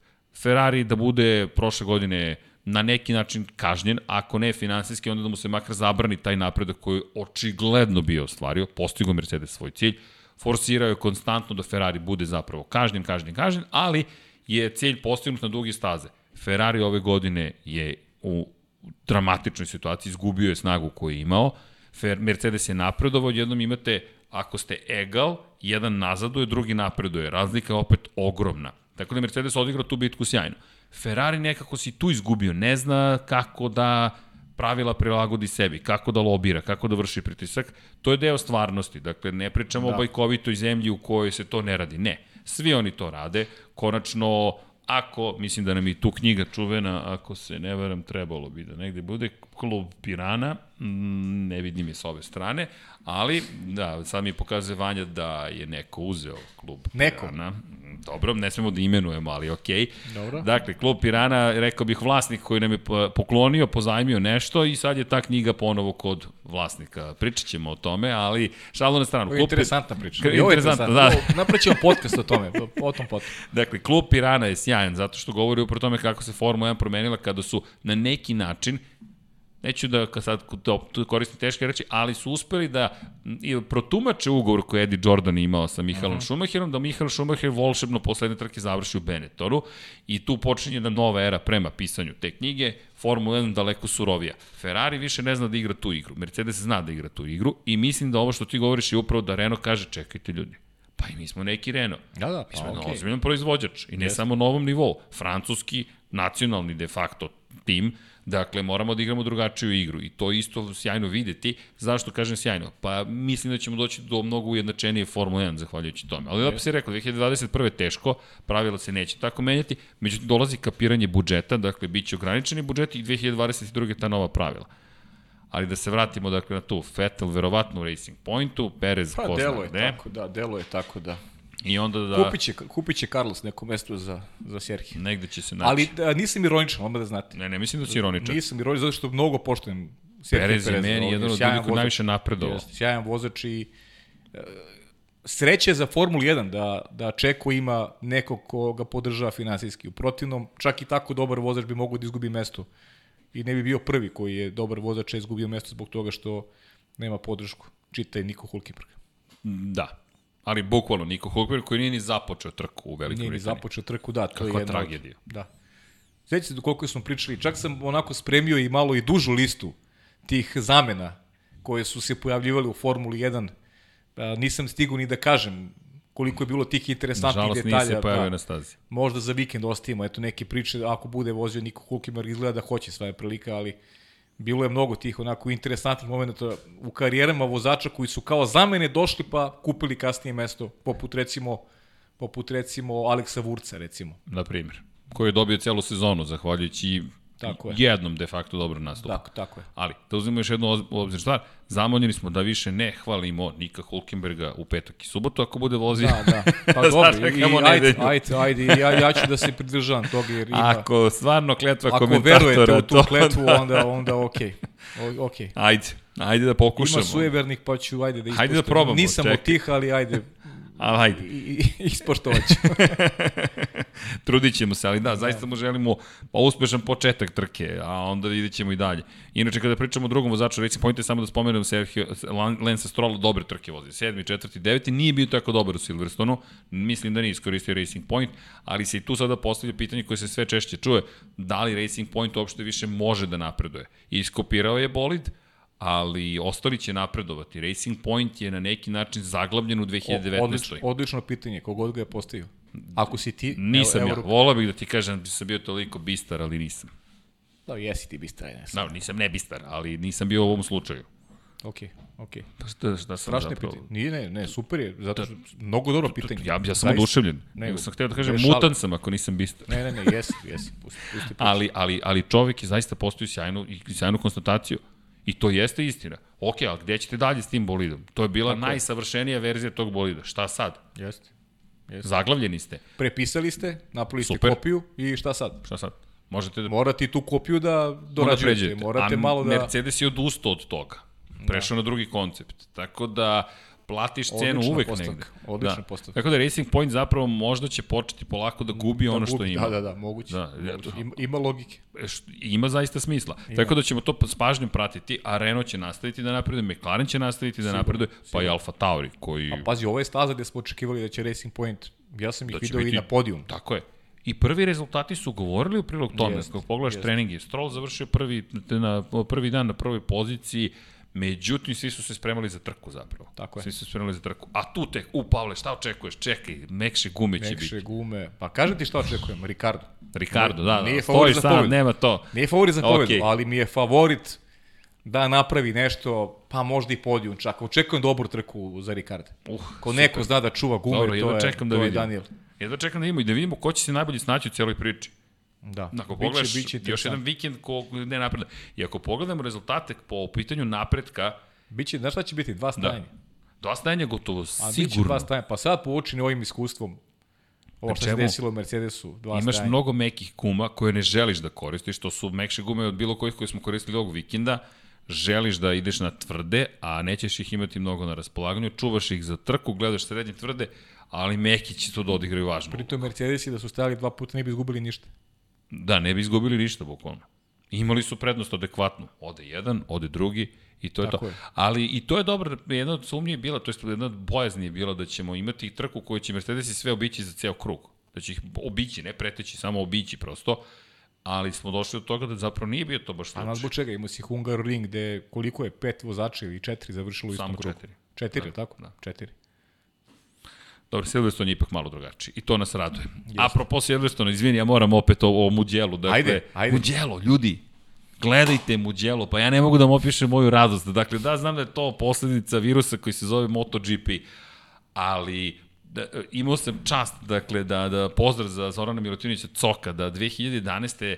Dakle, radim prvu trku sa lica mesta u, u, u mojoj karijeri i upravo A, ste, u Muđelu. ste zajedno bili, ja? Da, Cok i ja, šta ti to je bila kombinacija, dakle, čudesna kombinacija, kolima, da idemo za Firencu, nemamo predstavu ni šta nas čeka, kako tamo da se ponašamo, prvi put da radimo prenos, nikog živog ne poznajemo, ne znamo ništa o tome I, inače, moja majka rekla, možeš da me voziš do sestre, to je do brata, koji u to vreme žive u Izoli, pa rekao, mama, nema problema, šta, malo skrenemo do Izoli, malo skreneš do Izoli, malo to veće skretanje nego što sam mislio, ali dobro, bilo je to interesantno. Da, to je baš u tvom stilu. da, da, to jeste. Ali, elem, Firenze, i onda kada smo došli... To kao me voziš do Čikaga, malo. malo, dobro, skrene malo. A, da, činjenica je da Činjenica je da, pa da, Albuquerque, da. da, da, je, da je Mugello mene kupio istog trenutka. Uh mhm. -huh. Dakle, prvi put da dolazim na takvu stazu, da, da, ali na taj način. Posećivao sam staze, međutim, Mugello, zašto ga toliko spominjem? Um, jednostavno imaš brdo s jedne strane, da, brdo s druge strane, brda, da. tako i onda dole, ovako dođeš i, i ti ulaziš u kapiju koja je u obliku velike kacige, sve kao malo dete. I, i Toskana sa onim čuvenim drvećem, uh mhm. -huh. visokim, prelepo pa, sve. Toskana je prelepa, ga. Inače je prelepa. I još smo naučili da ne idemo glavnim putevima, autoput, izbegavajte autoput, dakle, Italiji, A možda, generalno. Možda, mislim, možda čak i najlepše. A ja, meni Toskana baš ja sam posebna. obišao Italiju, baš volim, ali mislim da je, da je, da je čak i najlepša Toskana. Ima nešto u ima tim šarma, krajolicima, ima da. Neko šarma, Moram, da. Ja zaista baš sam uživao. Nisam imao predstavu šta, će, šta, šta me sve očekuje. Kaže Meša Selimović da Italija je najlepša žena na svetu. Ali Toskana je... Toskana je baš čudo. Ok, mešu smo mešali u celu da. priču, dakle, da biblioteku ćemo da obogatimo i klasicima. Pa, ja mislim da je vreme. Mislim da je vreme, da. Da već vred, je bilo, vred, već je bilo. Vred. I vredi. Ali u svakom slučaju dođeš, gore si na jednom brdu, onda pogledaš dole, a dole je startociljni pravac, dole su garaže, dole su glavne tribine, čekaj sad kako su dole, a gde je, a ovde ti tribina koja gleda na četvrtu i petu krivinu. I onda shvatiš da su, da je jedan deo staze ovde, drugi je dole, treći je na drugom brdu potpuno ludnica. I onda 350 u to vreme, sada već 360 km čas za motore. Zamisli sad Formula 1, pa da, to smo pričali, pod nagibom, ovako, pod nagibom praktično, da idete niz, ska, niz uh, bućine, dakle 15. krivina i pod nagibom, kao u Naskaru, da si izlaziš. Sad zamisli Formula 1 pod tim nagibom kada izađe, na startu cijeni pravac, Evo, svi imamo osmehe na licu. Da, Znam da će možda uticati na asfalt i nadam se da neće previše uticati na asfalt u muđelu. Ali, Pavle, to kad budemo videli, ja, ja ne smem da zamislim pokušaj obilaženja tamo. Čekaj na zabav, zabavni avgust i septembar, definitivno. Uh, a onda odimo u Rusiju, pa i onda idemo u Nemačku, pa Portugaliju, Italiju ponovo i, i možda odemo u Aziju. Pa mislim da ćemo otići u Aziju gotovo izvesno. Samo je pitanje gde.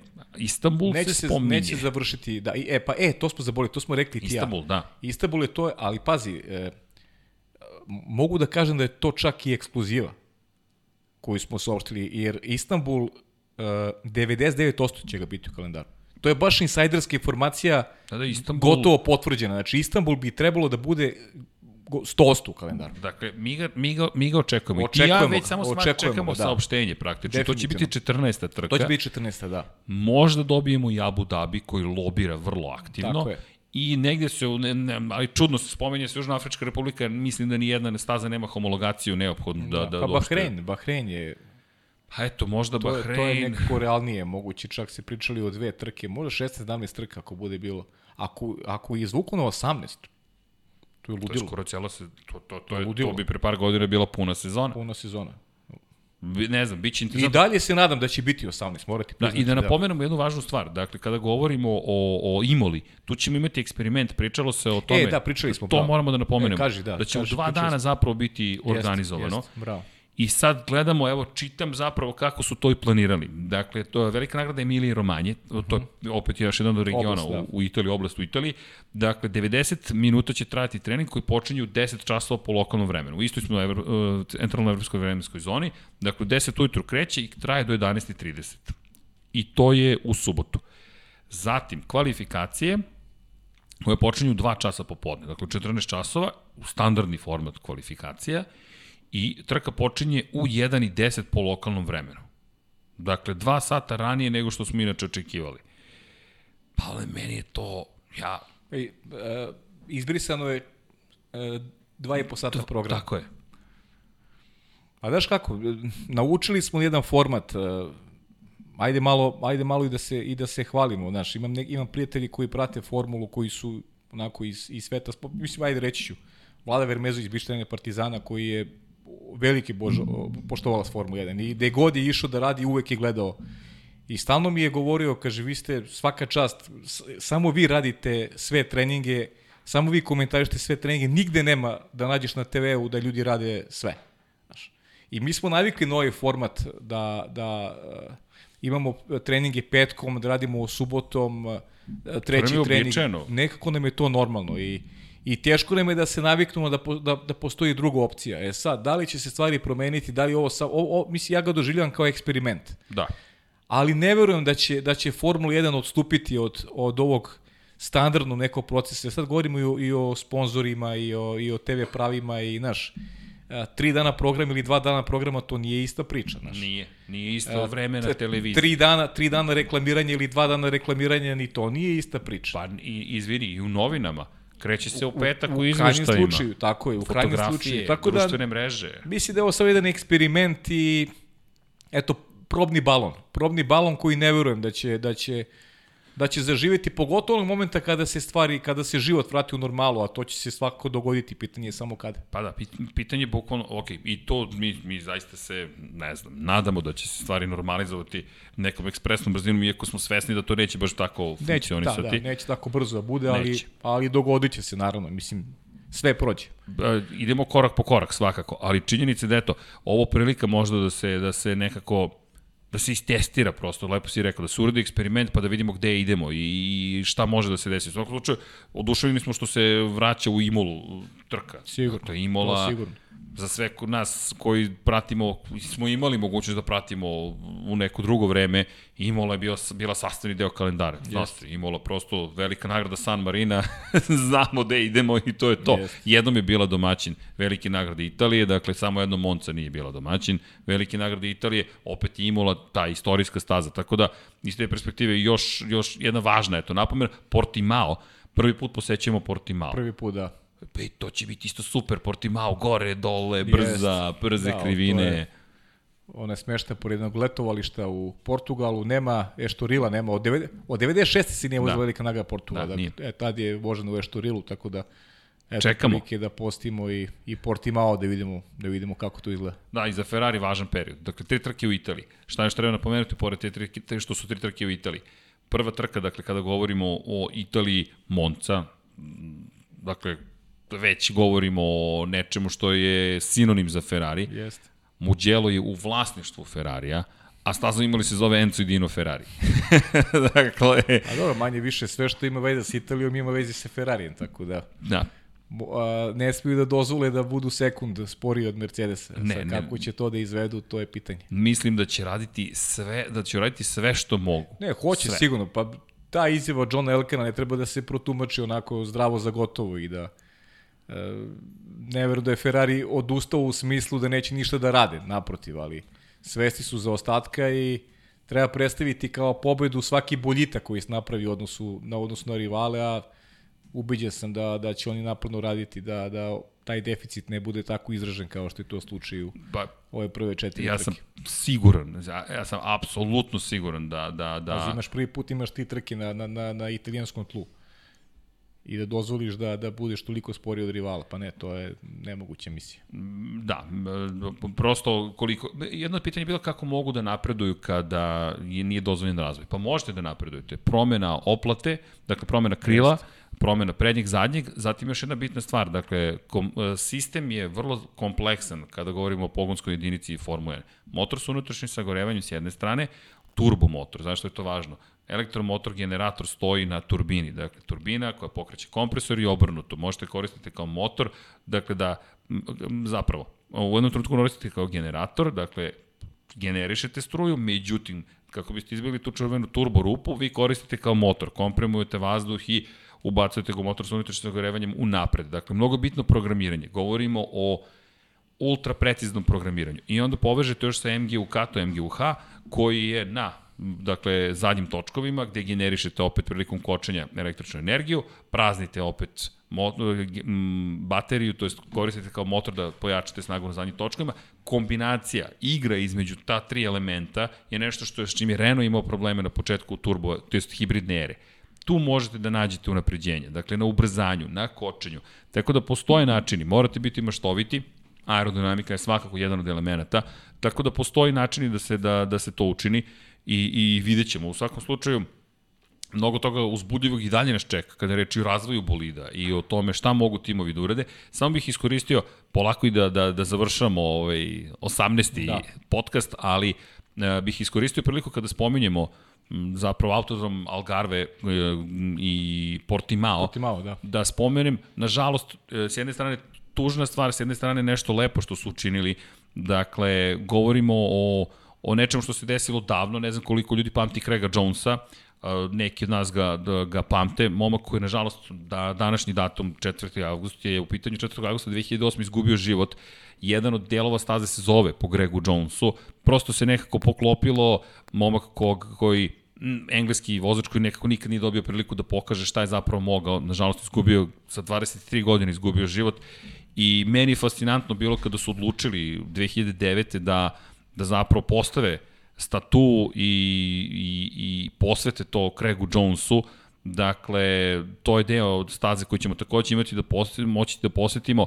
Prosto nekako su hteli da očuvaju uspomenu na njega. Ono što je meni fascinantno i gledam upravo te slike šta su učinili u Algarveu jeste da su odlučili prosto da, da, da, da, da ga zapamte. Inače, oni su bili deo njegove ekipe, Jones Park Algar, otud njihova želja zapravo da, da ga zapamte. Meni je fascinantno, Craiga Jonesa malo ko pamti, ali to, to, to su te emocije o kojima pričamo i u studiju i o kojima se, kojima se bavimo, da kažete to je bio trkač. Nažalost, otišao je pre vremena, uh, ali mi ćemo ga zapamtiti. Ne zato što da. je veliki šampion, nego zato što smo lično imali vezu s njim i zato što to što ti ljudi radi jeste prosto neverovatno. Tako da imaš i senu ispred sebe, znamo koliko opasan ovaj sport, Ali A to eto, pričali smo to tokom vikenda i, i 50 godina od posljednje pobjede i, i šampionski yes. titul Johina Rinte yes. i to smo govorili tokom vikenda. Sad u septembru se navrša 50 godina od njegove pogibije poskovno proglašen i, i za šampiona. Tako da eto ima i to jedan čovek koji obeleži istoriju ovog sporta, a negdje naša, da kažem, i, i neka i, i dužnost i obaveza, a, a naravno i, i, i kako bih rekao, i neko podsjećanje na, na, na te asove koji zaslužuju da... da pa da poštovanje pre svega. Baš, baš poštovanje i da se eto da evociramo uspomene na njih i na ljude koji su eto i kreirali istoriju u krajnjem slučaju Formula 1, omogući negdje i nama da, da zavolimo ovaj sport i evo da pravimo u krajnjem slučaju ovakve emisije. Kako pa da, da, da ne, nešto što, što je toliko puno emocija, puno ljubavi. U Bukvalno. svakom slučaju, Pavle, Krenuli smo ponovo, ajmo na lep Krenuli način smo, da završimo. Ajde, da. 18. emisija, dakle gotova. Vanja nas je pitao ko vozi broj 18 u Formula 1, ti si odmah rekao Racing Point, dakle Racing Point, Lance da. Stroll, treba da posvetimo Lance Strollu, ajde želimo šalim se, dobru trku, ali eto, pred nama već sada trka, dakle broj 5, nista staza Silverstone, Tako velika nagrada. Tu smo sledeće nedelje, da. Da, velika nagrada 70-godišnjice Formula 1 i da, bit ćemo tu sledeće nedelje. Tu smo da i sa onako sa već sa jasnim fokusom na tu trku Jest. za vikend i naravno i sa vašim pitanjima, eto sad ulazimo ponovo u neku priču konstantnu, pa da. pišite šta vas zanima. Ispremamo i goste, nemojte zaboraviti, bit će e, i gostiju. Hoćemo sledeće nedelje, a? Kako ti kažeš? Može, što se mene tiče, može. Da, Hoćemo. on je dao je potvrdu, znači hoću da ga najavim. Naravno, ajmo. Da, doće nam Igor Marković sledeće, sledeće ove nedelje neko ko je poznat u ovdašnjim prilikama u automotosportu, neko ko je danas i sudija, učestvuje na reli trkama, prošle godine je bio šampion sa Dušanom Borkovićem, vozio reli, tako da ovaj domaći reli, što se kaže, i mnogo onako interesantnih priča nas čeka iz njegove lične da kažem, biografija, je on i neko ko prati i Formuli 1, prati MotoGP. Imaćemo o čemu da pričamo. Tako da ćemo imati te kako o čemu da pričamo sigurno, eto, to je to je to. I krećemo polako. Dakle, bit će još da. gostiju, što onih koji su bili za volanom ili na suvozačkom sedištu ili na motoru ili koji su naše kolege iz medija i e, MotoGP podcast takođe pratite, sutra ćemo ga snimiti, tako da spremni smo, nadam se da ste i vi. Vanja je umeđu vremenu preuzeo kontrolu nad studijom, šef a, studija je šef, pa, da. novi, da. tako da mi ovde sad samo slušamo šta nam se kaže, i, a njega pratite naravno na sport klubu. A on je pokazivao ovo. dakle, uh, drago mi da te ponovo vidim, moram ti priznati baš ovde. Takođe, takođe, da, takođe. I, šta da vam kažem, kao Ču, uvek. Čuvajte se svi da ne biste bili na neko drugo mesto. da, ne, bi, da ne biste bili kod tamo kuće u izolaciji. Tamo gde ne treba, da. u svakom slučaju, Šta da kažem? Ćao svima.